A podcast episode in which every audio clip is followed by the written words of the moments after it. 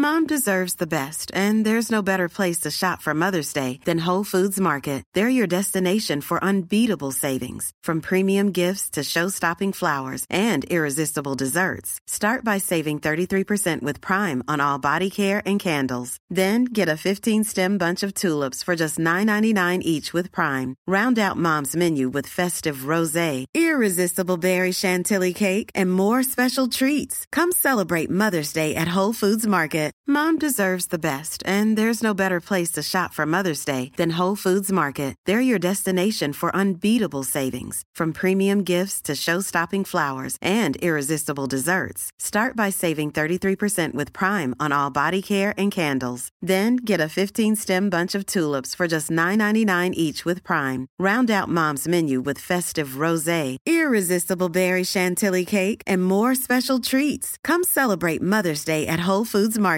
When you're ready to pop the question, the last thing you want to do is second guess the ring. At Bluenile.com, you can design a one of a kind ring with the ease and convenience of shopping online. Choose your diamond and setting. When you find the one, you'll get it delivered right to your door. Go to Bluenile.com and use promo code LISTEN to get $50 off your purchase of $500 or more. That's code LISTEN at Bluenile.com for $50 off your purchase. Bluenile.com code LISTEN.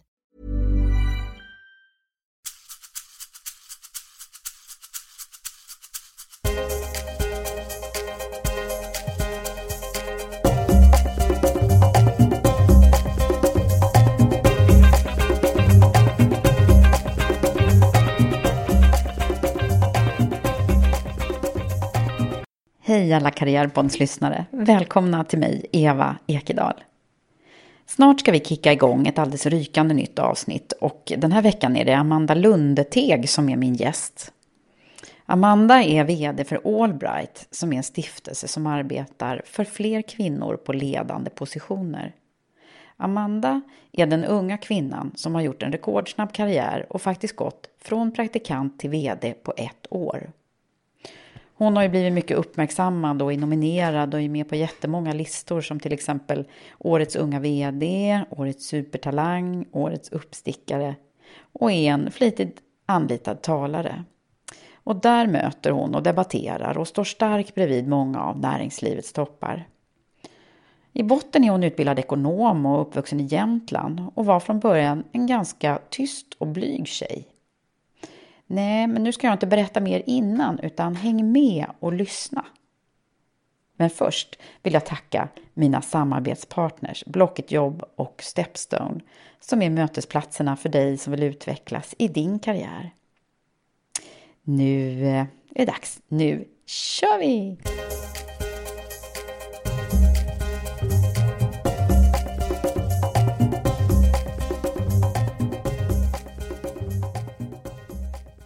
Amanda Lundeteg. Hej! Välkommen hit. Tack så mycket. Du, jag tänkte så här. Eh, det här fantastiska jobbet som du har och håller på med. Ja. Men hur gick det till liksom? Hur kommer man på att man vill jobba med de här frågorna som du gör? Ja, det kan man fråga sig. Var det någonting som du kände till från början eller? Nej, det var absolut inte självklart. Eh, Jag började ju läsa ekonomprogrammet.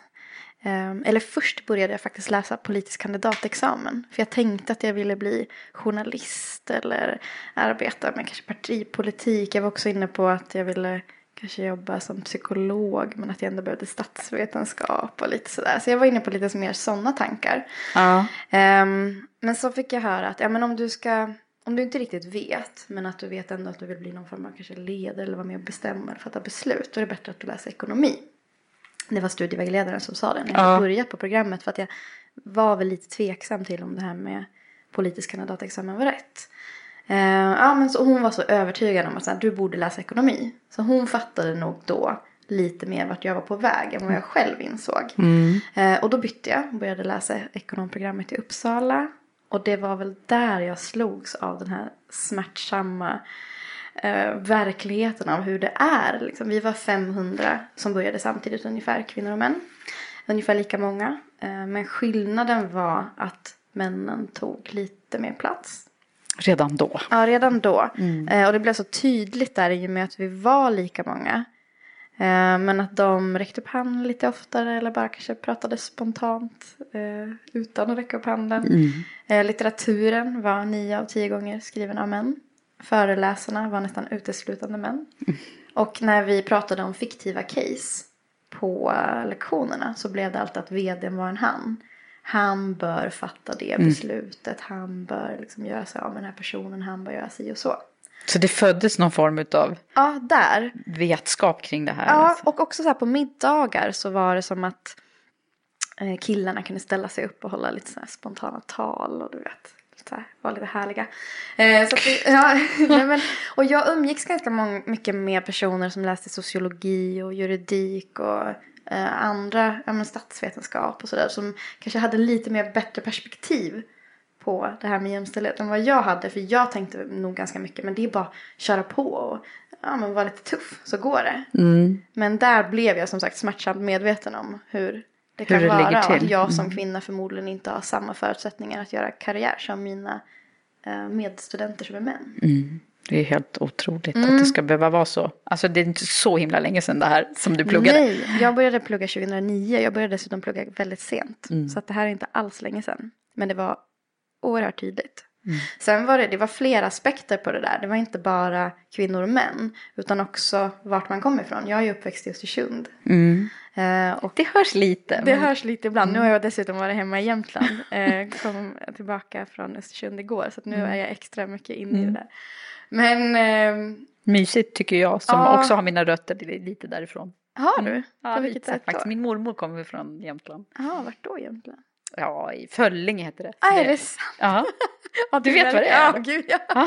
Det är verkligen. Ja, ja nej men. ehm, ja, ja, men jag märkte det då på utbildningen. För den, alltså Uppsala är också ganska um, Stockholmscentrerad skola. Det är många som kommer från Stockholm som pluggar där. Och framförallt på ekonomprogrammet. Eh, och det blev så tydligt att ja, men varifrån du kommer, alltså varifrån landet som du kommer så har du också, du kanske är lite mer van att ta plats om du kommer från Stockholm än om du till exempel kommer från eh, Norrland. Vi var några norrlänningar och vi var alla lite så här, ah, tyckte det var lite läskigt. Ja, just det. Så det var lite tillbaks. liksom dubbelt. Både det här att du kom lite, inte icke-Stockholm. Ja. Och, och sen att det blev den här effekten med ma- massa killar som tog plats då. Ja, men det var, det var nog ganska många parametrar. Det var dels att vara kvinna, att eh, komma från Norrland och att vara svart i en miljö som är oerhört vit. Måste man ändå säga. Det var ganska stor skillnad från politisk kandidatexamen, alltså det programmet. Mm. Eh, och ekonomprogrammet, det var betydligt eh, större mångfald på polkand. Ja, det var så. Mm. Märkligt att det ska Jättestor vara så tydligt på alla parametrar. Ja, ja, jag, om jag inte minns fel så var väl jag den enda icke-vita i min grupp i alla fall då på ekonomprogrammet. Så att, ja det var, det var nog mycket var som det då? bidrog till att, ja men ehm, det här är så nära så att jag har inte hunnit tänka på det Mm. jättemycket. Men det, det var väl ganska, eh, jag kände mig väldigt annorlunda. Jag, ja, jag fick någon eh, liksom förnimmelse av att det var kanske lite som när jag var liten och växte upp i Östersund. För då, jag är ju adopterad från Sri Lanka. Mm. Och, så att jag är den enda i min familj. Jag har två äldre bröder. Mm. Som är biologiska till mina föräldrar. Okej. Så att jag är den enda Du, i min familj mm. som, eh, har, som är svart. Mm. Eh, och umgicks liksom med vänner, alla vita. Ingen i min klass var någonsin svart. Så att jag har växt, verkligen växt upp i en vit miljö. Mm. Eh, och som barn var jag extremt blyg. Alltså var jätte, jätteblyg. Åh, Man- Det är ju helt otroligt och nu när man tänker på det du håller på med Ja, nu. jag vet. Det är ju ingen som tror på en när man säger det. Man kanske tror att jag säger det för att få någon sorts sympati någonstans ifrån. Men det är verkligen liksom, min mamma säger det att det var så, hon är fortfarande chockad över att jag eh, liksom kan stå och prata inför folk och sådär. För att när jag var liten så, ingen annan fick ta i mig än mamma. Jag blev livrädd om någon liksom kom och pratade med mig. Kom ihåg på dagis så kunde det komma fram personer fast liksom säga någonting till mig och jag började gråta. För att jag blev så himla jag kunde vara så rädd för människor. Och när jag kom in på dagis så sprang jag ofta och la mig under en soffa. Och låg och betraktade min omgivning för jag vågade inte riktigt vara med. Så jag låg och tittade på när de andra barnen lekte. Jag låg och tittade på de vuxna, hur de pratade med varandra. Och eh, liksom noterade vilka beteenden som liksom funkar och inte funkar. Alltså Mm. väldigt tidigt. Jag kom ju till Sverige när jag var sex veckor gammal. Ja, du var så jag liten. var väldigt liten. Ja. Eh, Men, men, gud vilken transformation liksom. Mm. Till, från, från det att eh, det där man ser liksom lilla Amanda och nu på scenen liksom. ja, ja, men verkligen. Men ja, det, Det jag, måste vara en resa, vad, vad, vad vad är det som har hänt liksom? Ja, nej men jag tror, där var jag, men för att kny- knyta an till Mm. det här med skolan, att jag tror att när den känslan som jag hade där då, när jag låg under dagissoffan, den kom tillbaka när jag började läsa på ekonomprogrammet. Det här av att inte alltså bli som en betraktare igen. Mm. Att inte kunna vara närvarande och vara en del av det som händer. Utan att här, istället liksom titta och börja analysera. Och, eh, det där kan ju vara jättemycket av ett hinder. I alla fall när man ska försöka ta in information. Eh, men det kan också vara en tillgång tror jag. För Ja. jag tror att jag har lärt mig jättemycket om mänskliga beteenden. Analyserat mycket kan man säga då. Enormt mycket. Ja. Det är det du gör idag också Mm, egentligen då, ja. delvis. Ja. Vad spännande, vilken resa, Ja. jag. Men sen då kom, började jag skolan Ja. och då blev jag istället superpladdrig. Då tror jag att jag hade lärt mig väldigt mycket om det här. Okej, vad funkar, vad funkar inte liksom. Att någonstans snappat upp att okej, extroverter de överlever i det här samhället. Det är det beteendet som funkar. Och det var ju inte mitt grundbeteende utan jag lärde mig på något vis att så här, det här är ett extrovert beteende och det är väldigt gångbart. Du premieras om du är liksom framåt och utåtriktad och verbal.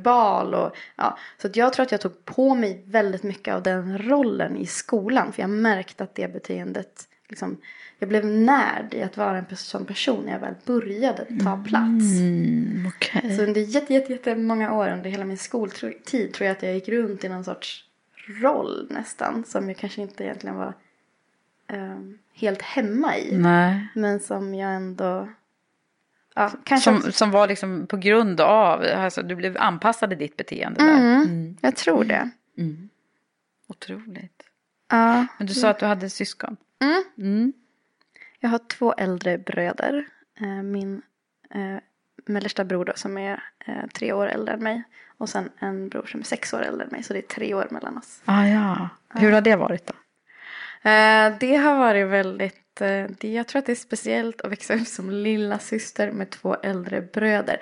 Och de här är också, de är verkligen storebröder. Stora killar. Eh, här, ja, rejäla jämtlänningar. Mm, men det, Men hur har det präglat dig tror du då? jag tror att det har präglat mig på så vis att jag har fått Nej men jag har liksom slagits med dem och så här, blivit ganska retad och jag retat dem jättemycket och um, så typisk lilla syster som har liksom varit där och varit jobbig och ettrig liksom för att få vara med. Eh, och säkert blivit ganska luttrad för de var rätt, ja, men liksom, de var inte så små timida pojkar utan de var rätt buffliga.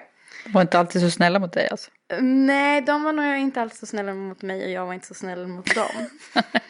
Nej. jag kommer ihåg, jag, eller jag, jag har också fått berättat för mig att jag försökte sälja dem någon gång. jag gick runt i kvarteret och ringde på och så här, jag kan sälja, jag har två eh, bröder som jag vill sälja. Så Är ni intresserade? Arbetskraft, ja. Är det sant? jag var så less på dem. Ja. Men Du blev inte av med dem? Nej, jag blev inte av med dem, tyvärr.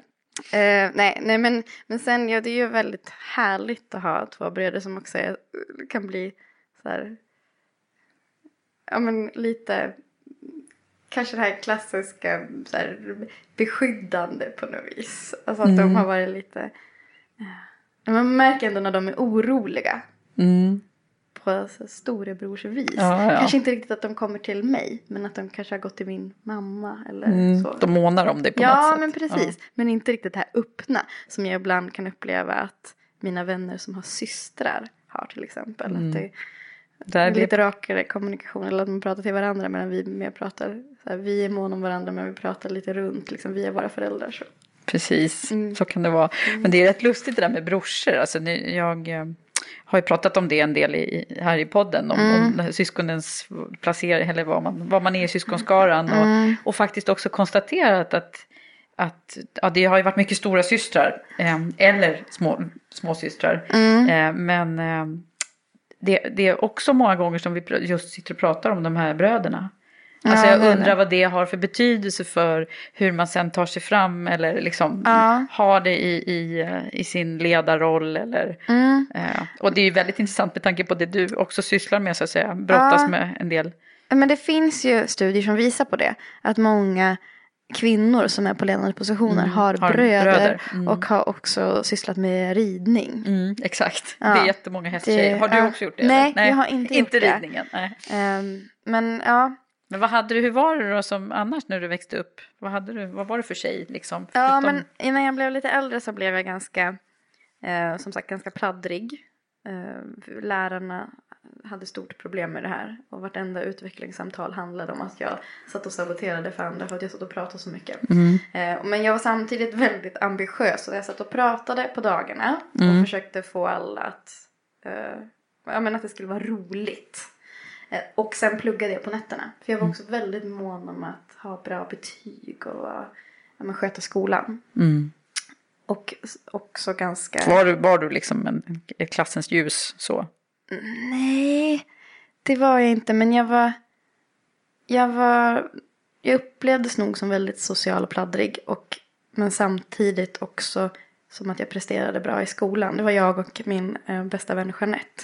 Som eh, ofta satte någon sorts gräns för vad som var eh, högsta betyg. Vi hade en tyska lärare en gång. Och hon satte alltid betyget utefter den som hade sämst betyg av oss två. Alltså på proven så var alltid gränsen för MVG så här. Jaha, Amanda 157,7 och jag hade sämst av mig och Jeanette. Då var MVG-gränsen där. Jaha, Så, okej. ja. Så du var... Mm. Jag förstår. Ja, men lite så kunde det vara ibland. Mm.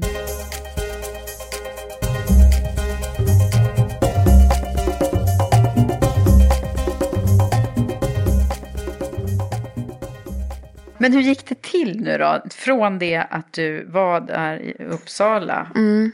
och har, hamnat där du har hamnat nu. Det var någon liten resa emellan där också.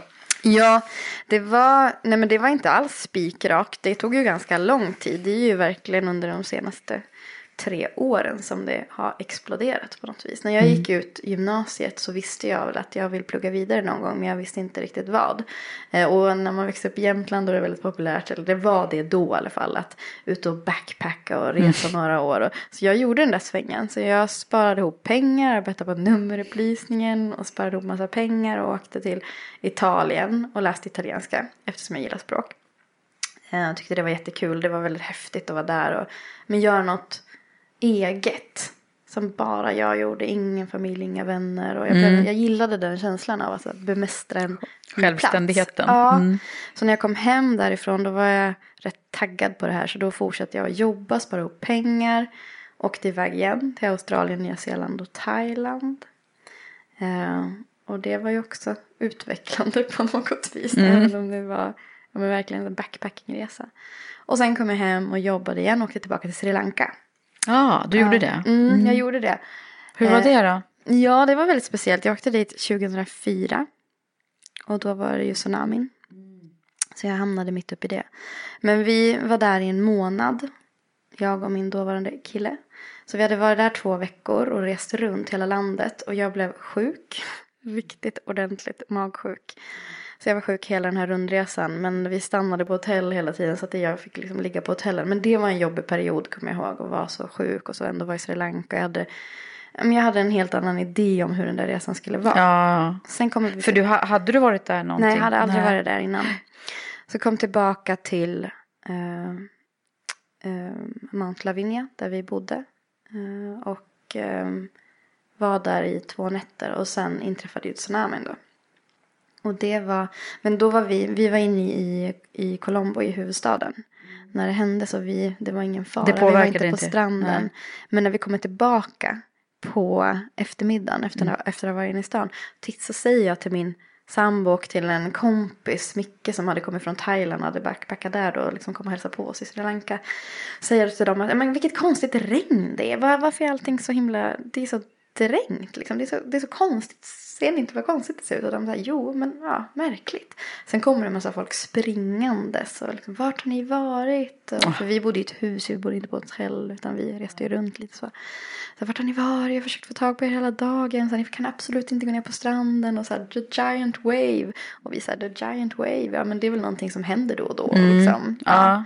För vi tog inte del av någon nyhetsrapportering. Vi hade, det här var ju innan vi hade smartphones och så. Så vi, ja, nej men vi tänkte inte så mycket mer på det där och lät det gå ganska många timmar innan vi fattade att okej, det här är någonting stort. Vi måste ringa hem. Måste tala om att vi, lever. Och då slår vi på eh, min dåvarande killes telefon. Och det bara kommer in meddelande på meddelande Ja. på meddelande. På, och vi hinner inte ens läsa. För att det kommer in så många meddelanden. Och då fattar vi, åh herregud, nu har det hänt något jättestort. Så vi går iväg till någon sorts telefonkiosk och ringer hem. Ringer till min mamma som bara gråter och Mm. gråter och gråter. Och då har ju alla samlats där hemma. Vänner Och de familj. visste inte om och ni de visste levde. Inte, nej, Nej. de satt ju bara och tittade på tv. Och såg hur den här vågen svepte in. Men Och det lät, på, i media lät det tydligen som att hela Sri Lanka låg under vatten. Riktigt, det var illa där men riktigt så illa var det ju inte. Va- Det var inte lika illa där som i, i Thailand? Jo, eller? Jag tror det. Mm. att det egentligen liksom var minst lika ehm, ja, drabbat. Men att man rapporterar väl mer från Thailand än Sri Lanka eftersom vi inte var så många som reste Nej, till. Sri Lanka. Men, ehm, men ehm, ja. Hur, men gud vad konstigt. Och så, va, du kommer dit liksom till din Mm. hem. Precis, vi hann ju däremellan den där dagen vi hade från att vi kom tillbaka från rundresan till att vågen drog in. Så, så um, åkte vi till, till det som hade varit barnhemmet. Men, och jag satt och pratade med dem som var föreståndare för barnhemmet. Men jag fick en känsla på dem att eh, ja, men ska nog inte hålla på och rota så mycket i det här med sitt ursprung. De var lite så... Aha. ja. Men var du inne, inne på att du ville forska i? Jag tror Ursprung. att jag hade inte tänkt så mycket på det när jag åkte ner. Men att jag tog med mig adress och kort och sådär ifall om att. Eh, men ifall att jag skulle känna att det kändes bra. Ja. Men då när vi satt där så kände jag att ah, det kan ju ha haft med deras reaktion att göra också. Att nej men det här är inte, inte nu liksom. Så jag drog, låg inte på där. Och sen det här med tsunamin hände och vi fick åka inåt landet för att få tillgång till liksom, ja men eh, mat, vatten och eh, det blev som Chicago där vi bodde. Att folk började plundra och sådär. Så att då liksom, de där tankarna försvann ju. Ja. Och sen åkte Okej. vi hem. ja. Och sen har du inte varit tillbaka någon mer? Eller? Nej, jag har faktiskt inte det. Nej. Så det var en väldigt speciell resa. Ja, men åh, jag förstår. Vad konstigt att det, liksom, att det blir den här stora katastrofen samtidigt. Ja, Ja. ja. Men det var ju sidospår. Eh, Sen när vi eh, kom hem från Sri Lanka då, då tänkte jag nog att nu ska jag ta tag, nu har jag rest och flängt runt och nu ska jag ta tag i det här och faktiskt börja plugga. Men då är min pappa med om en ordentlig olycka som det han är väldigt nära att mista livet. Eh, Så att då, det här händer inte så många månader efter att jag kommer hem. Så då blir jag Det känns som ett stökigt år det här Ja, för det dig. här var en Mm. stökig period. Ehm, då, nej men nu, nu snurrar jag ihop det lite här. För det här är alltså efter jag kom hem. Jag åkte först till Sri Lanka och sen till Australien, Mm. Nya Zeeland, Thailand. Och sen kommer hända den här olyckan. Så det är 2006. Eh, men i alla fall, då... Ja, vi har ingen ordning på Nej. årtalen här ändå. Nej, så jag, att- liksom all, de här åren flyter ihop lite. Ja. Det var, ja. Men ehm, ja, då sker den här olyckan. Och då, då blir jag eh, kvar hemma i Jämtland ett år och anhörigvårdar honom. Mm. Okej. Eh, så att allting stannar upp lite. Ja. Det är också ett år som är otroligt suddigt. Jag vet Mm. egentligen inte vad vi gjorde annat än att jag gick upp på morgnarna och hjälpte honom och eh, Nej. åkte och jobba lite grann och åkte tillbaka till honom. Och, ja, det var Mm. liksom... ja. Livet har ju sina upp och nedgångar verkligen. Mm, Och ibland händer det saker som, mm. som stökar till det. Men jag tror att det var, alltså det var hemskt. Men jag tror också att det har gett mig något i form av att, eh, ja men vad som är viktigt i livet. Mm. Att så här, kunna, Mm. Eh, Ja, det, det är värt att tänka på det lite då och då sådär. Mm. När man är mitt uppe i någon, någon jobbfråga som känns lite Ja, jobbig. exakt. Mm. Eh, nej men så då blev jag kvar där. Sen efter ett år, då var det väl dags att börja fokusera lite mer på mig själv igen. Och då åkte jag till Oslo med några vänner och började jobba där. Mm, mm. Hade lite olika ströjobb. Eh, Just det, för där tjänar man lite mer Där pengar. tjänade man lite mer pengar, hade lite kul. Tills jag ledsnade på det och då tog jag äntligen tag i det här pluggandet. Ja, Så det tog tid innan, Innan jag väl satte mig där ja, vid skolbänken. just det. Och då blev det, då blev det Uppsala då? Ja, då blev det Uppsala.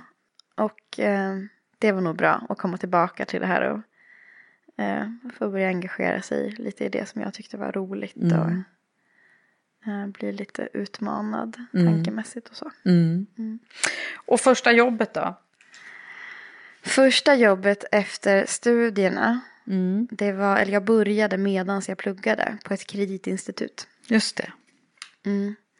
Ehm, där jag eh, jobbade på norska avdelningen i och med att jag eh, behärskade norska någorlunda efter mina år i Oslo.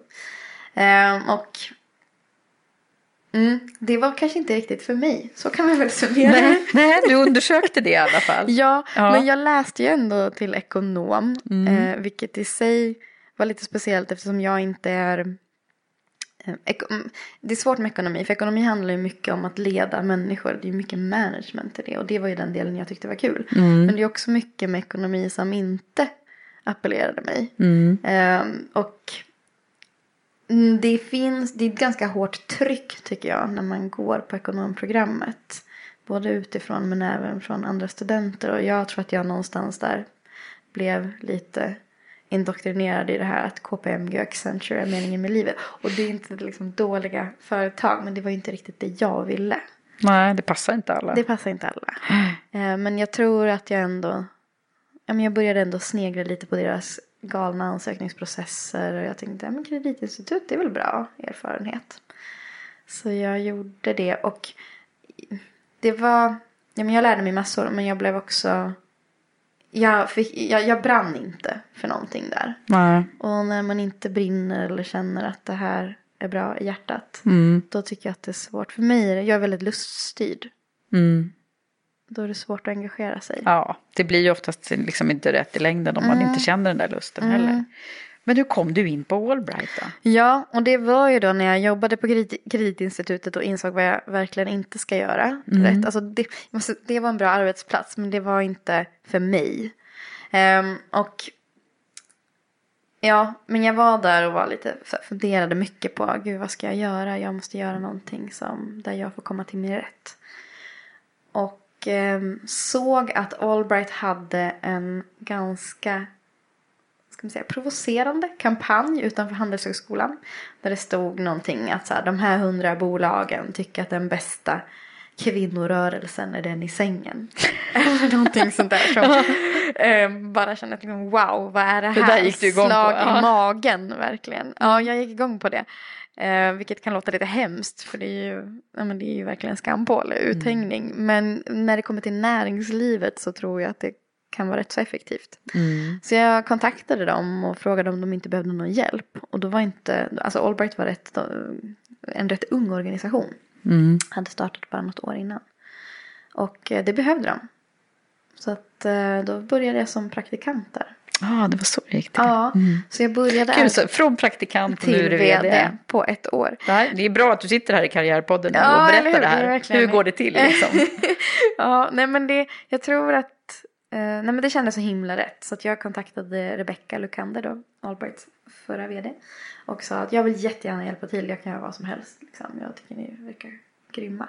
Och då skulle de precis ta in två praktikanter. Så då Det här är ju, ursäkta att jag Mm. avbryter men det här är ju så spännande. För du gjorde det. Du tog kontakt med henne mm, och frågade kan jag hjälpa till? Mm. För det här är ju, jag tänker på alla unga som sitter där idag som liksom, ah, skulle vilja börja jobba här eller där. Mm. Men det krävs ju att man liksom har lite mod där då och, och, och ta kontakter med, Ja. med människor som man inte i vanliga fall kanske skulle göra med. precis, och kanske också vara beredd på att det här, men inte tänka så strategiskt kring allting. Utan kanske bara det här var, var häftigt. Jag är beredd att ge av min tid här oavsett vad det Ja. leder till. Precis. Ehm, så det, för jag gick verkligen inte in med tanken att nu ska jag liksom, Men, men fick du, nej jag förstår det. Du kanske inte ens tänkte tanken just då. Nej, då var det bara så här, hoppas jag kan bidra med något. Ja. Jag tyckte att de kunde kommunicera sitt arbete bättre i sociala medier. Ja. Det var, min, det, det var det enda jag liksom sa när jag träffade henne. Alltså, jag tycker ni gör så himla, verkar göra så mycket bra, så här, men det, det måste ut, det måste synas. Mm. Och jag var ju inget proffs på att kommunicera i sociala medier, men jag bloggade lite då med två andra, med två kompisar till mig. ja. Och en blogg som heter Plain Jane som vi fick lite uppmärksamhet för. Vad heter den sa du? Plain Jane. Ah. Ehm, skrev om jämställdhet och mångfald Okej, så du och har, ja, då företagsansvar. var det ju verkligen i linje med. Ja, ja, vi hade, jag hade börjat tänka på det. Jag gjorde en utbytestermin i New York. Nu hoppar vi fram och tillbaka här. Det gör inget. Men i, när jag pluggade så ja, eh, gjorde jag en termin i New York och jag gjorde ett internship och ehm, ehm, ja, läste på ett universitet där. Och då insåg jag verkligen att åh, fy vad hierarkiskt och ännu mer sexistiskt och blev väldigt less på det. Så var min kompis Johanna på besök som är sociolog och kan eh, betydligt mer om jämställdhetsfrågor än vad jag kan. Och vi började prata mycket om det och eh, min kompis Elin som eh, pluggar på Konstfack nu, hon var också med på ett hörn och liksom, vi hade lite olika ingångar i det här. En sociolog, en som designer och så eh, jag då som ekonom. Men, eh, ja, vi, var, vi, hade väl, ja, men vi diskuterade väldigt mycket kring de här frågorna. Och hamnade väldigt mycket i diskussioner på fester och i alla möjliga sammanhang. Eh, vilket ledde till att vi startade den här bloggen. Okej. Så att, Mm. eh, Så du hade det liksom med dig när du kom in i Allbright? Ja, lite grann. Och sen anmälde jag oss tre till en samhällsentreprenörstävling. Då jag också kom i kontakt med Sven Hagströmer. För vi skulle göra en videopitch då för en idé som vi kallade för Bar Genus. Eh, som handlade om att utbilda företagsledare i normkritik. Och arbeta strategiskt med jämställdhetsfrågor. Och Sven Hagström, för de som inte vet det då, Mm. eh, ligger bakom Allbright. Eh, precis, Mm. eh, är en av grundarna. Så att, eh, då kom vi i kontakt och då sa han du borde kontakta Allbright och Rebecca och det sa jag, ja, men det har jag redan gjort. eh, Men ja, vi är lite i kontakt. Men jag berättade inte för honom då att jag hade sagt att jag hade sökt praktikplats. Utan Nej. det här var ju ett annat syfte. Och, Ja. ja. Så att, eh, ja, men det, Så vad blev det då när du började där? Ja men då var Rebecca lite så här, du får göra det du vill med. Hon var väldigt schysst på så vis. Att hon tyckte att, ja men så här, gör det som du tycker känns roligt. Så då fick jag möjlighet att ehm, starta en intervjuserie på bloggen. Och eh, för jag tyckte som sagt att det här arbetet borde kommuniceras med. Och vi borde också lyfta förebilder och inspirerande personer. Mm. Så vi har ju verkligen lite gemensamma nämnare ja, du och jag. Mm. Verkligen, alltså, jag gillar att lyfta andra. Ehm, ja, men det, ja, nej, men, så, och det där var ju riktigt bra. För att då fick jag samla på mig massa tips också. För alla de här smarta kvinnorna som jag intervjuade gav ju mig massa, massa tips. Som jag kunde Mm. Och det är precis det jag av. också samlar på. Det är ju Ja. fantastiskt, eller hur? Ja men det är så himla bra. Mm. För att, eh, ja, men dels kan man använda dem själv och så känns det väldigt bra när man får sprida dem till andra. Och jag tycker också, tror också att de tyckte det var väldigt roligt att få dela med sig. Eh, så att jag tror att det är de tipsen som jag fick då, de har nog varit ganska avgörande för att jag ändå skulle kunna ta steget och bli vd. Mm. Men så jag började härva på där som praktikant. Och sen efter ett halvår någonting fick jag väl en anställning som vd-assistent. Och ehm, ja, men gjorde ganska mycket så typiska assistentsysslor. Eh, och när det är en sån liten organisation då får man ju se så himla mycket. Och eh, ja, men det var ju från golv till tak verkligen. Mm. Alla- För ni är inte så jättemånga i organisationen. nej, vi är ju tre stycken som är anställda nu och sen har vi 14 volontärer. Och en väldigt aktiv styrelse. Eh, Men eh, då var vi bara jag och Rebecka. Mm. Eh, Och eh, så att ja, det var ju lite annorlunda. Då hade vi inga volontärer eller någonting. Men eh, och då fick jag Ja men då jobbade jag på där i ett halvår och så jag sprang kreditinstitutet på förmiddagarna och sprang till Allbright på eftermiddagarna för båda var deltidsanställningar då. Mhm. Sen efter ett tag blev det heltid och eh, ja, så, så var det dags för Rebecca att gå vidare. Hon kände att hon hade tagit organisationen dit hon kunde efter nästan tre år blev det väl. Mm. Eh, nej, två år måste det bli. Sen de startade eller? Ja, precis. Två år. Ehm, och eh, ja, då fick jag, då skulle de in med en mer senior vd, var nog tanken.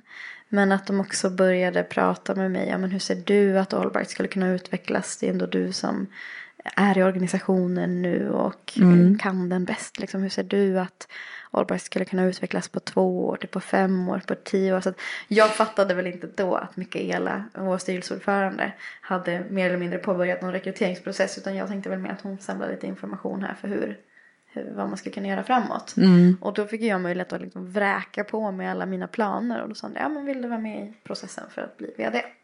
Ja, okej. Och Så du fick såklart- frågan? Ja, då hade jag fått tips av alla de här smarta kvinnorna på bloggen att tacka ja när jag det. erbjudande. Det är det, det är det alla säger här också kan jag Ja, säga. Mm. tacka ja, grubbla sen. För att om du får ett erbjudande och börjar velar och tänker på allting som är läskigt. Mm. Då ökar ju sannolikheten att du kommer tacka nej. Ja. Häftigt. Så Mm. när, när, hur länge har du varit vd nu då? Mm, I två år, Mm. Ganska precis. Mm. Jag har varit på Allbright i tre år då. Mm. Ett år som praktikant och två år som vd.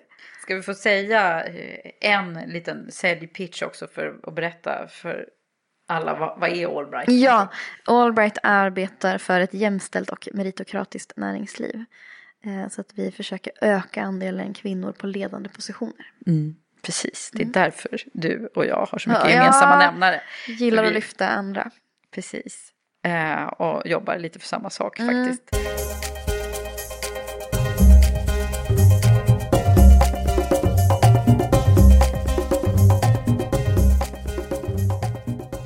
Men du, eh, att vara vd då i ett sånt här bolag där man också blir väldigt synliggjord i samband med att ni släpper de här rapporterna. You should celebrate yourself every day, but some days you should celebrate with jewelry. Whether you want to commemorate an unforgettable moment or just bring some added sparkle to your collection, Blue Nile can offer you expert guidance and a wide assortment of jewelry of the highest quality at the best price. Go to BlueNile.com today and experience the ease and convenience of shopping Blue Nile, the original online jeweler since 1999. That's BlueNile.com. BlueNile.com. I'm Sandra, and I'm just the professional your small business was looking for. But you didn't hire me because you didn't use LinkedIn jobs. LinkedIn has professionals you can't find anywhere else, including those who aren't actively looking for a new job but might be open to the perfect role, like me. In a given month, over 70% of LinkedIn users don't visit other leading job sites. So if you're not looking on LinkedIn, you'll miss out on great candidates like Sandra. Start hiring professionals like a professional. Post your free job on linkedin.com/people slash people today. Hey, I'm Ryan Reynolds. Recently, I asked Mint Mobile's legal team if big wireless companies are allowed to raise prices due to inflation. They said yes. And then when I asked if raising prices technically violates those onerous two-year contracts, they said, "What the f*** are you talking about? You insane Hollywood ass." So to recap, we're cutting the price of Mint Unlimited from $30 a month to just $15 a month. Give it a try at mintmobile.com slash switch. $45 upfront for three months plus taxes and fees. Promo rate for new customers for limited time. Unlimited more than 40 gigabytes per month. Slows. Full terms at mintmobile.com. Hey, it's Ryan Reynolds, and I'm here with Keith, co-star of my upcoming film, If, only in theaters May 17th. Do you want to tell people the big news? All right, I'll do it. Sign up now and you'll get unlimited for $15 a month and six months of Paramount Plus Essential Plan on us. Mintmobile.com slash switch. Upfront payment of $45 equivalent to $15 per month. Unlimited over 40 gigabytes per month. Face lower speeds. Videos at 480p. Active Mint customers by 531.24 get six months of Paramount Plus Essential Plan. Auto renews after six months. Offer ends May 31st, 2024. Separate Paramount Plus registration required. Terms and conditions apply if rated PG. Since 2013, Bombas has donated over 100 million socks, underwear, and t shirts to those facing homelessness. If we counted those on air, this ad would last over 1,157 days. But if we counted the time it takes to make a donation possible, it would take just a few clicks. Because every time you make a purchase, Bombas donates an item to someone who needs it. Go to bombas.com slash ACAST and use code ACAST for 20% off your first purchase. That's bombas.com slash ACAST, code ACAST.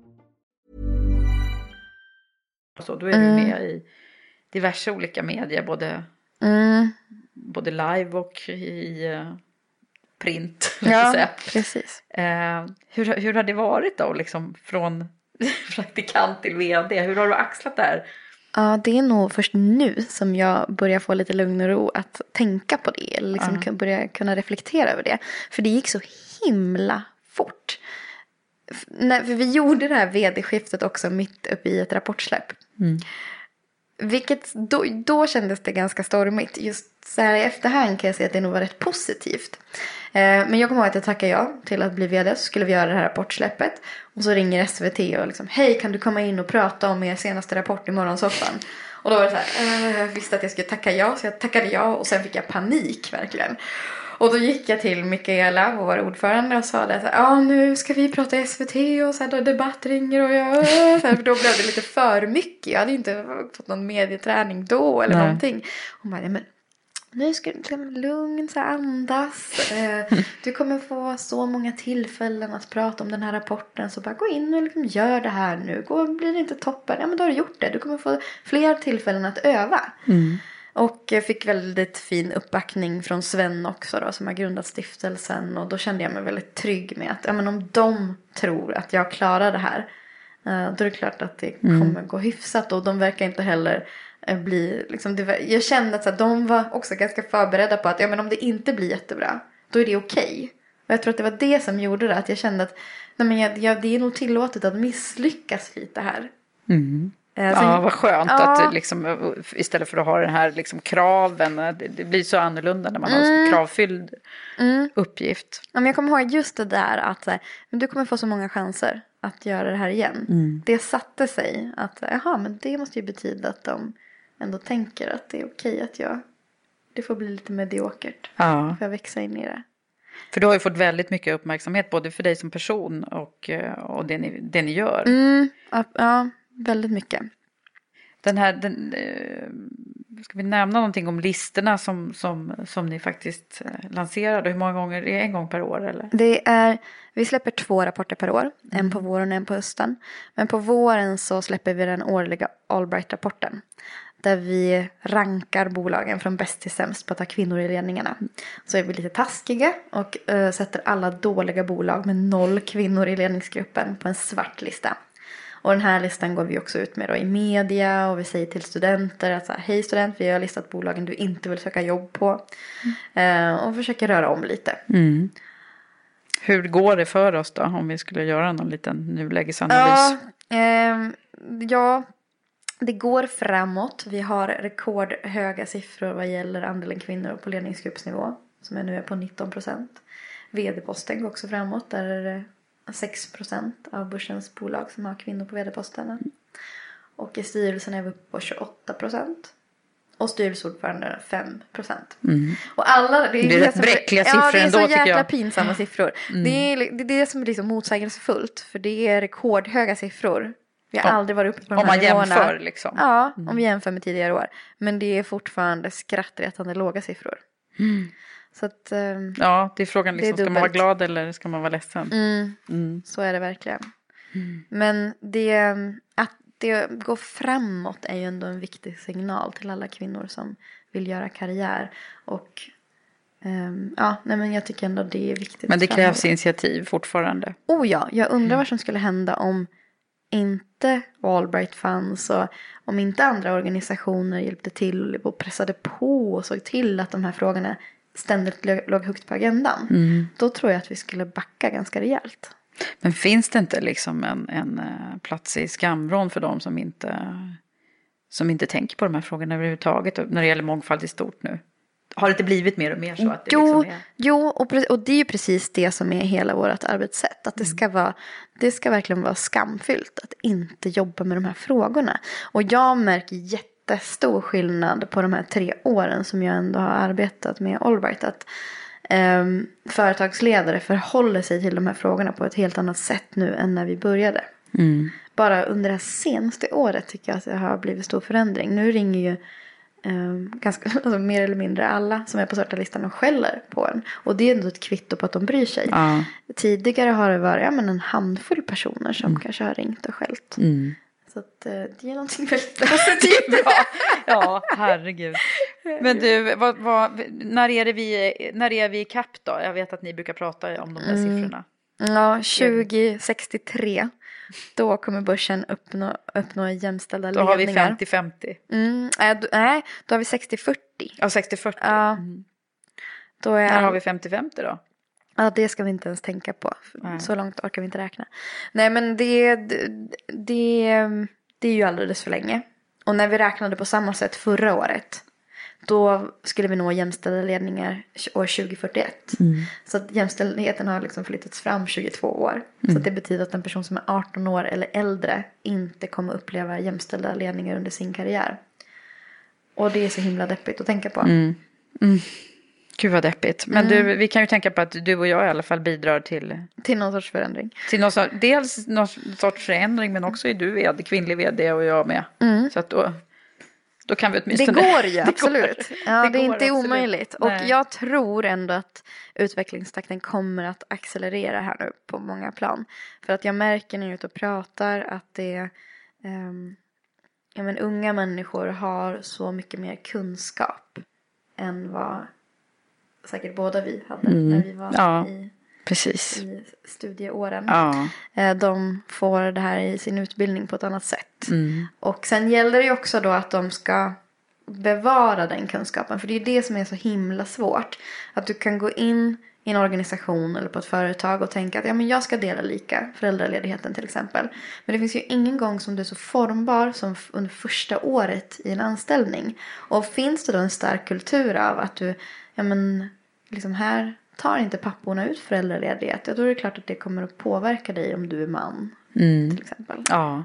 Så att det är ju, ja, det är ju det där med kulturer. Det är- vanskligt. Men du, jag tänker på när du är i eh, Almedalen har jag ju sett att du får runt där på, i massor med olika paneldebatter och, och så. Du är väldigt Mm. flitig an, anlitad talare i olika sammanhang där nere. Mm. Hur är det att vara liksom, hur blir du bemött som, som ung vd och, och pratar om den här frågan och så? Mm. Jag, Och kvinna. Precis, jag blir nog väldigt ofta bemött precis så. Som en ung kvinna och inte som vd. Mm. Är det så? Ja, att det måste alltid poängteras att jag är ung kvinna och vd. Men jag förstår också det för att vi är ju sällsynta. Särskilt om du är liksom ung svart kvinna som är vd. Jag vet inte så många. Eh, men, eh, och det kan jag tycka ibland är lite tråkigt för att det är som att det är så många barriärer att ta sig förbi innan folk lyssnar på mig i egenskap av att jag är vd. Och jag upplevde det extremt mycket under mitt första år. Det kunde vara eh, ja, men till exempel om, någon, om jag hade bokat möte med någon som jag inte hade träffat. Och den personen kanske inte hade riktigt koll på vem jag var och inte hade googlat mig och sådär. Så man kan göra innan möten ibland. Eh, men och så kommer den till kontoret och träffar reception eller, och så kanske jag öppnar dörren för receptionisten är borta. Och då blir den personen lite så här. Ja, jag ska träffa Amanda Lundeteg. Alltså att man förutsätter att det inte är jag som öppnar dörren som är vd också. Alltså sådana saker. Ja. Och att de, hur har du jobbat med det där då? Hur hanterar du det? jag, nej men jag tror jag bara. För att inte den personen ska känna sig obekväm har jag väl bara så här, ja det är jag som är Amanda och liksom mitt leende försökt. Ja, för det kanske är liksom, det är inte medvetet som folk... Nej, nej. Och jag tror att folk skäms jättemycket när de kommer på sig själva mm, med sina fördomar. Alltså som jag själv gör när jag har massa för... Alltså, det är ju jättejobbigt. Så det är inte att jag känner att jag behöver sätta dit någon på något Nej. vis. Men, och, och likadant jag och, om jag eller någon av mina medarbetare, Tove eller Caroline, är i något sammanhang. Och de bara, ja, vem, av er är det som är Amanda? Alltså de blir väldigt osäkra så märker man hur blicken kanske drar sig mot Tove. Eller så, till, För hon, till Tove eh, eller till Caroline för att de... Jag vet inte. Men, Är det utseendet eller? Ja, men jag tror ändå att hudfärg spelar roll. För att vi är så, o, alltså vi är så ovana vid att personer på maktpositioner eller med inflytande ser ut så här. Som jag gör nu. Har det podd, så man ser ju inte. Men, Du har ju verkligen en uppgift här känner jag. ja, men jag, om jag, Statuera exempel. Ja men ibland kan jag tänka så att jag gör mitt jobb som bäst när jag bara presenterar mig och säger hej Amanda Lundeteg heter jag är vd och står där med eh, mina kängor och min hudfärg och inte har kavaj. Nej men liksom att bara att så här, bryta synen på vem som är bärare av kompetens. Ja, men vet att jag, eh, jag sitter och tänker lite på eh, min egen roll faktiskt också. Att även om jag nu inte, jag är ju betydligt mycket äldre än vad du är och inte Inte färgad. betydligt. Eh, nej, men alltså det är ju... Och, och, och ändå så kan det faktiskt vara så att eh, jag har mötts av det. Att jaha, är, det, är det du som är den nya vdn? Mm. Eh, Ja, precis. och, det, och det är ju lite sådär, man kan ju höra lite på, eller också se det att jag tror att det är så. Jag vet inte. Men, eh, men det, det ligger ju någonting i det där att, att det finns mycket förutfattade meningar. Mm, jättemycket. Frågan är ju hur man ska, hur man ska jobba med det där. Och, och, har du tänkt någonting på det? Om, eh, hur, hur du jobbar med retoriken eller om man... Mm. Eh, gör, du någon, gör du något väsen av det så att säga? Mm.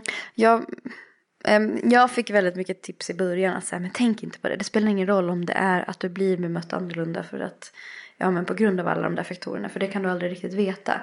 Så tänk bara inte på det. Men sen tror jag att när jag slutade lyssna på alla de där råden Mm. och faktiskt bara började anamma att ja, men, ja, det är helt okej att tänka på det och faktiskt förhålla sig till det och att bara för att jag tänker på det blir inte det något större problem utan det blir snarare som att jag får strategier för hur jag ska förhålla mig i sådana Mm. situationer. Att bara att acceptera att ja, men det kan vara så att människor bemöter mig annorlunda för att vi är så himla ovana. Det handlar inte om mig som individ. Utan det här är någonting strukturellt. Mm. Eh, Det är ju vi väldigt många som är med om det här. Och jag har ju själv massa fördomar. Mm. Eh, Och kan själv liksom bemöta människor olika. Eh, På grund av att vi, ja men vi, vi Och jag kan också tänka så här, man har ju också en fördel för att det blir ju eh, häftigt när man sen kan leverera Ja. eller vad det är man eh, gör. Om man gör det bra så blir det ju på något sätt dubbel effekt. Ja, precis. Ja, det finns, det liksom finns säkert också en hel del fördelar. Även om jag tror att nackdelarna kanske är betydligt fler. Men, men, det är, men jag kan också någonstans gå igång på känslan av att så här, okej, men nu fick jag skaka om den här personen lite. Och utmana dens tankar. Och det är väl också en sån sak som jag kan se när jag ser tillbaka på min korta karriär här. Att jag gillar ju ändå någonstans att här, dra mig till sammanhang där jag kanske inte förväntas vara. Och det är nog väldigt mycket för att jag, hela min uppväxt har ju varit så. Ja just det, du drar den kopplingen nu. Ja, Mm. att så här, ja men jag kunde väl ingenting om ekonomi. Så här, visste knappt vad det var. Men okej, så här, det, det, det, det blev jag nyfiken på. Det går att lära sig. Ja, det går liksom, det kan vara ett häftigt så här, sammanhang att vara i. Och ehm, där ser inte folk ut som mig. Liksom. Nej, men så. att, ehm, och, och likadant nu när, man, när jag får röra mig i många rum. Så du dras till det, det annorlunda helt enkelt? eller det som eller är för jag dig dras- annorlunda? Precis, jag dras kanske till det som är eh, enorm. Ja. Men jag gillar tanken av att här, få vara där och skaka om lite.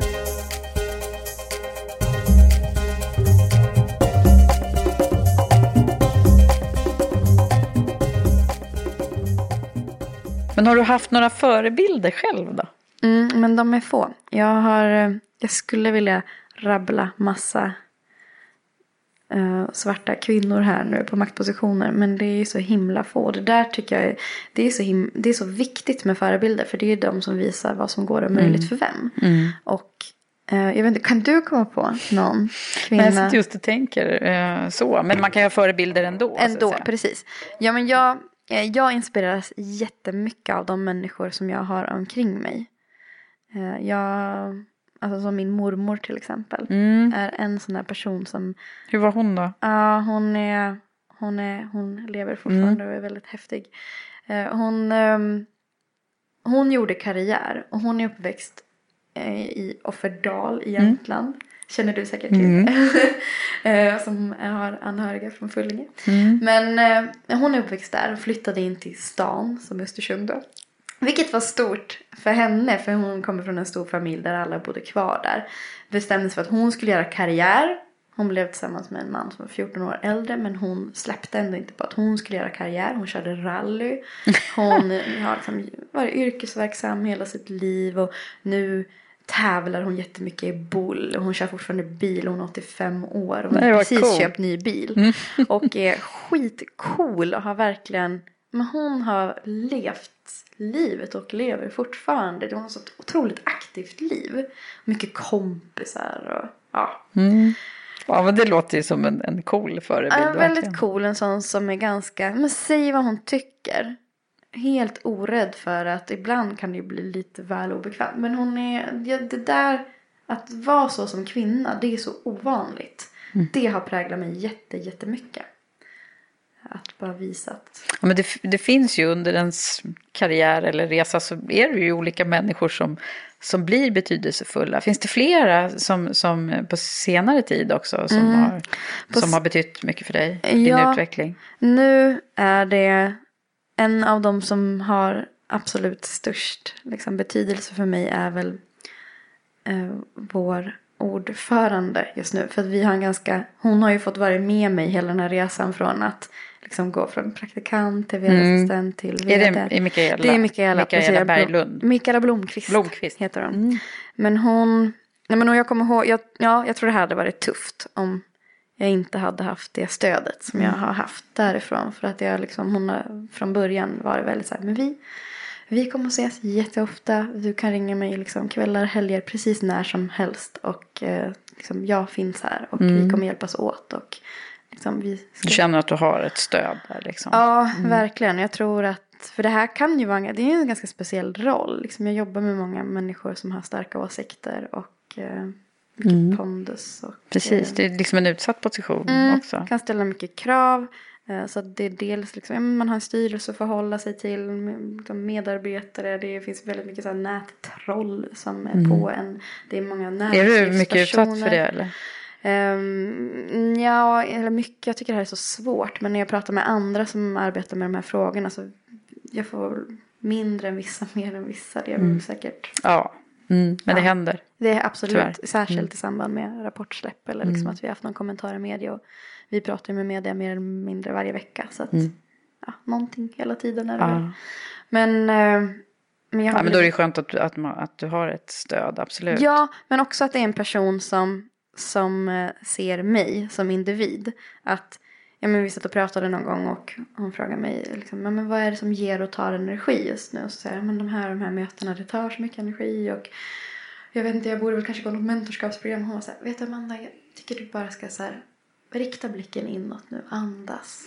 Så här, du kanske bara behöver få gå ut och liksom gå ut i skogen. Eller liksom så här. Men hon var väl så här att fokus på mindfulness nu. Liksom, så här, självutveckling och så här, ge den någon bra bok. Och, nej men du vet så här, väldigt så mer spirituell och inte det här.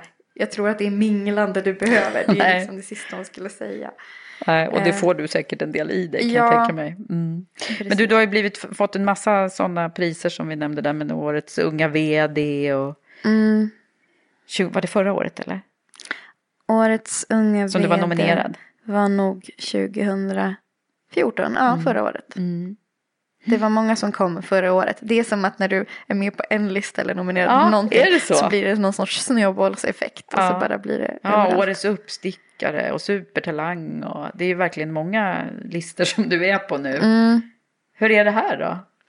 Ehm, ja men det är jättekul. Förra året var listår. I år då får jag till förfrågningar om att sitta i jury. Så nu har jag insett att nu är jag liksom passé. Okej, nu börjar du bli gammal. Nu är jag ingen uppstickare och mäktigaste längre. Nu är jag jury. Nej, nej men, eh, jag, ja, men det har ju varit otroligt hedrande. Och eh, det är ju verkligen en bekräftelse att det jag och vi på, framförallt vi på Allbright gör, det, att det har betydelse. Eh, så det, ja, men det är väl någon sorts erkännande som ändå eh, som jag går igång på. Så det har gett jättemycket energi. När man har eh, de här kraven som både kommer från mig själv men också från andra så är det väldigt skönt att få, få de där små ljusglimtarna. Vad härligt. Och det här med supertalanger eh, också, den listan är du också med. Och jag- då tänker jag så här, vad är det som... Du har berättat lite grann om, om din bakgrund och sådär. Men vad, vad, kan man sätta fingret på vad det är, vad det är som har gjort att, liksom, vilka egenskaper är det du har som gör att du är klassad som en supertalang? Mm, men jag tror att det har väldigt mycket med Allbrights arbete att göra. Och det här, kan, det här blir lite dubbelt. För jag tycker ju att- det är väldigt roligt med alla de här utmärkelserna och så. Men det är ju egentligen, jag får ju dem på grund av Allbright. Alltså det jag gör tillsammans med mina medarbetare. Så jag skulle gärna vilja se fler priser och utmärkelser till organisationer. För det blir sånt individfokus. Eh, Men eh, Ja, det, det är det verkligen. det de är ju här. Mm. verkligen. Eh, och jag menar, jag är ju bara budbäraren av det hårda arbete som till exempel Caroline och Tove och våra volontärer gör. Men jag försöker att dela med mig så mycket jag kan. Men, eh, men, Men om man tittar på dig som person då, om du ändå fokuserar på det. Vad, vad är det som är utmärkande för dig som, som ledare? Mm, jag, jag frågar mina eh, kollegor om det och de säger att, ja, men, att det är enga, engagemanget. Jag tror att det är det. Jag brinner ju verkligen för de här frågorna och det, jag blir inte mätt på det. Nej. Det kommer någon med en idé om samarbete så är jag jättesvårt att säga nej till det. Jag vill göra allt som går för att liksom, vi ska nå målet eh, snabbare. Så att, eh, jag tror att det är engagemanget och att jag, jag tycker faktiskt att jag har varit bra på att samla på mig bra människor. Och det var nog det första som eh, jag gjorde också när jag fick, eller tackade jag till att bli vd. Det var så här, okej, jag har massa planer här nu, jag kommer omöjligt kunna göra det här själv. Så att eh, jag måste omge mig med bra personer. Och då var det en cool kvinna som heter Annika Pettersson som hörde av sig och eh, ville starta ett volontärnätverk. Träffades vi och klickade jättebra och då sa jag men om du vill göra det här, jag har andra personer som har hört av sig tidigare som också vill engagera sig. Då bara drar vi ihop dem och så skapar vi ett volontärnätverk med grymma människor som har massa olika kompetenser. Eh, och på så vis ska Allbright växa. Så det var det första jag gjorde och det är ju tack vare att vi har de här personerna som hjälper oss. Som driver arbete, Som har också. gjort att vi har kunnat göra så mycket mer under de här senaste Ja, två åren. Mm. Ha, eh, men du, eh, jag tänker också på, det finns ju så många där ute nu som kanske sitter och lyssnar på det här och som undrar, ja, oj, det gick fort för henne och nu är hon vd där och, och så. Men vad, vad, vad har du för tips och råd till de här som vill göra en, en, eh, en karriär eller som befinner sig i det där första skedet när man kanske inte ens vet åt vilket håll man ska gå? Har du några Mm. Ja. kloka råd? Du som ganska så nyligen var där faktiskt. Ja, eh, ja men det är, ju, det är så svårt det här med råd för att det han, alla har så olika förutsättningar beroende på vad man är. Men det som ändå, om jag går till mig själv då, så ehm, att liksom våga göra det som man tycker är roligt. Och det var, är också ett, ett sånt tips som jag har fått från många andra kvinnor och män som har gjort karriär sen. Att liksom våga lyssna på sin inre röst. Och liksom, Vad är det jag Gå tycker lite är på kul? intuitionen där. Ja, men att, att faktiskt att vara luststyrd. Det tror jag kan vara någonting positivt. För att ja, men då gör du någonting där du blir väldigt engagerad och det ser arbetsgivare och det uppskattas. Eh, Att inte kanske tänka så strategiskt. Vi är så upptag- jag märker det när jag är ute och föreläser nu. Om man är på universitet. Då vill de veta. Okej men vad är vägen liksom? Hur, hur får jag styrelseuppdrag? Hur ska jag göra? Och det finns liksom inget recept. För liksom, så här ska du göra. Men ibland låter det ju ofta så när det kommer såna här råd. Att du borde börja nätverka med den och skaffa den här mentorn. Och eh, gå på de där träffarna och göra det här. Så det blir Ja. väldigt hetsigt allting. Istället för att säga men lugn, lugn. Så här, luta dig tillbaka. Så här, våga, våga göra det du tycker är roligt och lita på att rest, resten löser sig. Eh, för då sker det naturligt det där med, alltså då kommer du kunna prestera tror jag. För att då, då gör du ju det som du verkligen brinner för. Mm, det är så, så kloka råd, verkligen. Och också så här, när jag, ja men när jag började på Allbright, sen kanske man måste våga satsa lite också. För att när jag började på Allbright då var det, okej det är oavlönat. Det tog skitlång tid. Jag harvade ju på som fan innan Mm. jag faktiskt fick betalt där. För det fanns inga pengar i ideell verksamhet. Mm. Det var också en, en ganska annorlunda organisation mot vad det är idag. Eh, Men, men jag hade ändå bestämt mig för att jag tycker det här är kul. Jag vill vara kvar här och jag kommer försöka att ehm, ja, men, skapa mig en tjänst. då, Eftersom det ändå är här jag vill vara. Det kände jag ganska snabbt. Även om jag inte tänkte så innan. Nej. Eh, Men att ja, men våga, våga ge kanske lite av sig själv en period. Och man har igen det så småningom. Jag tror att jag jobbar, nu, åh jag ska inte uppmuntra till att man ska jobba så mycket. Men jag, jag jobbade verkligen varenda helg i ett halvår under en period. Och det är ju inte bra. Nej, det är inte bra. Det är ju hemskt. Men det, det gjorde jag då för det var också liksom, jag höll på med min hobby. Och så hade jag Nordax också. Liksom, jag, jag upplevde verkligen att Allbright var min hobby. Men och det har jag fått tillbaka tusen gånger efteråt. Och idag... Så det kan liksom löna sig. Ja, det kan löna sig. Och idag har jag perioder då jag inte alls, alltså jag upplever ju på ett visst att jag jobbar mindre nu än vad jag gjorde då. Liksom. För då gav jag järnet för att jag ville verkligen så himla mycket. Det- Ja. Men nu, nu kan det ju vara så, och det får väl bli mitt andra råd, att så här, lära känna sig själv. Och vad som ger och tar energi. Och energiplanera istället för att planera efter timmar. Så istället för att, om man nu har förutsättningar att göra det, det går ju inte på alla jobb. Men om man vet att det tar jäkligt mycket energi för mig att hålla ett föredrag. Ja, men då kanske det är så att jag inte ska göra så mycket innan. Och på sin höjd svara på några mejl efteråt. Så kanske inte jag jobbar så många timmar den dagen. Medan en annan dag då kanske om jag sitter och samlar data eller dubbelkollar någonting eller förbereder styrelsedokument. Eller, då kanske jag kan sitta i massa, massa timmar Mm. istället. Ja, okej. Mm. Men att tänka lite Planera mer... efter insats istället. Ja, men liksom. precis. Planera efter energi. Eh, och det tror jag också, det tror jag att vi kan bli mycket bättre på. För vi är så låsta vid att du ska sitta på kontoret en viss tid. Och oavsett hur du mår eller liksom. Mm. Och styrd av alla mejl liksom, Ja, som kommer in. men precis. Det, det är många sådana här time management-kurser som, som eh, jag har ju gått några stycken också. Men det är Ja. fortfarande så att det är rätt mycket händelsestyrt. Liksom. Ja, precis. Mm. Ehm, så det tror jag att liksom lära känna sig själv Mm. lite bättre och vad, man, vad som ger och tar energi. Det är viktigt. Och sen det här klassiska tipset som alla ger men som inte kan bli tillräckligt uttjatat.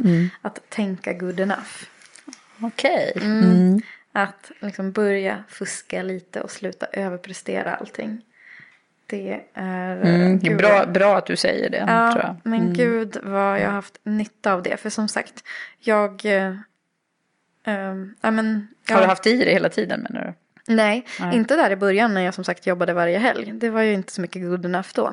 Men mm, sen när jag tog över som vd, då fick jag tipset att du skippar de 20 sista procenten på allt du gör. Det är ingen som kommer märka det. Om någon märker det kommer ingen att säga det. Och det är ju så jäkla sant. Så att um, sen jag började göra det då har jag ju, jag producerar ju mer. För jag lämnar ifrån mig saker tidigare. Och jag får också mycket mer tid till att liksom, vara med min sambo och eh, ringa Leva min familj. Ja, men att leva ett liv och liksom gå och träna och Mm. eh, tänka på annat. Som faktiskt gör att det, du utför ditt arbete bättre. Mm. Klokt. Men om man nu skulle kika på den här frågan som jag också skickar vidare varje gång. Så, Mm. så eh, var det ju Sofia Appelgren som var här hos mig eh, förra gången. Och hon ställde en fråga som eh, låter så här. Mm. Är du redo? Ja, spännande. Ja. Eh, har du sett en specifik nyckel i ditt ledarskap som har lett dig till där du är idag? Eh, en specifik nyckel. Nyckel. Ja, jag tror, ja, hon sa exakt så, nyckel. Ja, alltså då skulle jag nog säga det här med att eh, vara sårbar. Och eh, Vad, vad menar du med det? Kan du Mm, utveckla? ja, men att vara väldigt öppen gentemot sina medarbetare. Att, eh, ja, men till exempel så kan jag, jag, men jag har inga problem med att gråta för, med mina medarbetare till exempel. Eller att om de frågar mig någonting och det är tungt, men då kan jag börja lipa. Liksom. Jaha. så är det. Ja. Och det, nej men sådana saker att jag säger, ah, det är tungt, det här är jobbigt och älta saker med dem som jag kanske egentligen inte borde älta med dem. Eh, Men vi har i alla fall den kulturen Mm. Du, vi- hos du oss. visar vem du är liksom. Ja, och så här, frågar dem väldigt mycket om hjälp. De vet ju att jag är, liksom, det här är nytt för mig också, att jag ska leda människor och här, utveckla en organisation. Så de, eh, jag kan liksom inte ge sken av att ha svar på saker och ting, för det har jag inte. Nej. Och så att vara sårbar på så vis tror jag Mm. ändå eh, kan vara en nyckel. En nyckel. Vad har varit det för dig och kanske är det för andra också. Ja, men jag tror att du kan få respekt när du... Ja, men jag tror ofta vi får respekt när vi är ärliga. Mm. Det, och sen att så här, kanske våga... ehm, Lisa Lindström som har grundat Mm, Dobermann. mm. Hon sa någonting så himla bra på ett arrangemang här för några veckor sedan. Att hon, men hon var inte så mycket för så här ledarskapsteorier och så. Utan hon testade sig fram lite. Ja men vi testar lite här och det kanske inte blev så bra. Testar vi lite där, ja men det gick bra. Så här, inte tänka så... eh, Men hon, hon, ja, hon var inte så... eh, Liksom, det var inte självklart för henne hur, hur man skulle vara som ledare. Liksom, hon gav inget framgångsrecept. Utan ja, man testar lite. Och jag tycker det, det är, jag, jag, det, Det är landade- befriande också. Ja, det är befriande. Det landade bra hos mig. Ja. Kanske för att säga, jag bara, ah, det är väl det, är det jag håller på med. Jag testar, testar lite. lite. Eh, Så jag vet inte om det är bra. Men det kändes i alla fall bra. Ja. Ehm, och jag tror att, att eh, ja, men det måste väl få vara så. Vi, herregud, vi är ju bara människor. Sen är jag också skeptisk till alla sådana här eh, teorier. Och det är väl för att jag har läst mycket management i och med min utbildning. Eh, för att de här teorierna är ju väldigt ofta skrivna av män. Nästan alltid. Och det är män med väldigt eh, lika erfarenheter och bakgrund. Och de här teorierna skiljer sig inte så mycket åt. Eh, och eh, ofta tycker jag att det går ut på att ja, men du tar lite avstånd och det kan vara lite hierarkiskt. Och fast det ändå ska framträda som att du ska ha ett demokratiskt ledarskap. Fast det egentligen inte är det. Och jag vet inte, jag tycker att det är svårt med att ta till sig. Vi har ju ett näringsliv som är så otroligt starkt präglat av män för män. Jag tror att vi behöver vara, bli, liksom, ha ledarskap som är mer kreativt och dynamiskt och platt på riktigt. Mm, på riktigt. Bra där. Där tror jag nästan blev ett citat. Vad du sa nu. Men du, Amanda, du ska ju också skicka vidare en fråga till, till nästa gäst som inte du vet vem, vem det är. Eh, vad- men har du funderat ut någon klok fråga som du är nyfiken på? Ja, eh, här kommer min favoritfråga då. Eh, att, eh, ja, men om den här personen som du nu ska träffa, som jag är grymt nyfiken på vem det är Att, alltså, om, om den föreställer sig att den är 85 år gammal och ser tillbaka på sitt liv. Alltså där den är just nu. Är det då något som den personen skulle förändra? Alltså i sin nuvarande livssituation. Just det. Så man Försöka komma i kontakt med sin inre 85-åring. Ja, just det. Det där är ju en, en, en, en bra övning också faktiskt att göra. Och reflektera lite grann över. Ja. Det är en övning som jag brukar köra ibland. Fast jag kallar den för hundraårsfesten. Men det är Aha. lite sådär. Mm. Det låter lite peppigare i och för sig. Ja, nej men jättebra fråga. Du, eh, ska vi eh, avsluta med någon form av sådär, vad vill du skicka med nu då som slutord eh, till de som har lyssnat här? Är det någon, någon motto eller något, eh, någon, någon livsfilosofi som du vill dela med dig? Åh, vad stort. Ja, det varit väldigt stort. Ja, nej men jag tror just det här som jag var inne på. Att är, om vi tänker oss att det är kanske är många unga som lyssnar på det här. Så just det här att ja, men, våga satsa på det som man tycker är roligt. Att inte vara så strategisk i allting och man behöver inte planera så mycket som man tror. Utan att gå på lust. Då blir det bra. Och att tänka good enough. Bra där. Tack snälla Amanda för Tack att du har varit med i Karriärpodden. Ja, jättekul. Tack. Tack.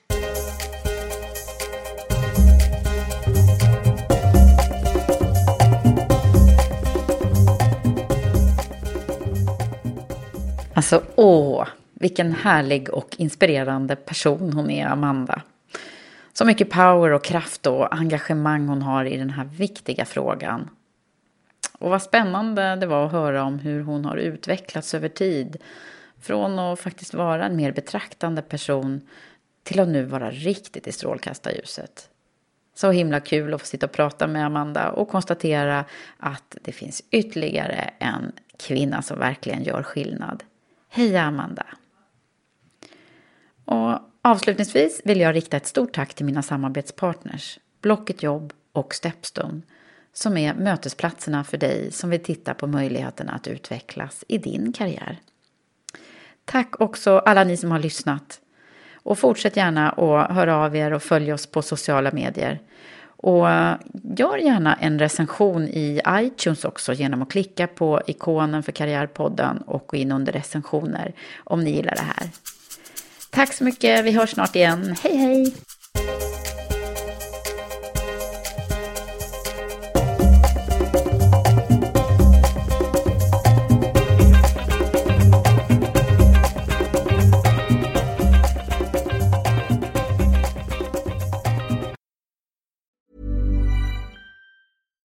Hi, I'm Daniel, founder of Pretty Litter. Cats and cat owners deserve better than any old fashioned litter. That's why I teamed up with scientists and veterinarians to create Pretty Litter.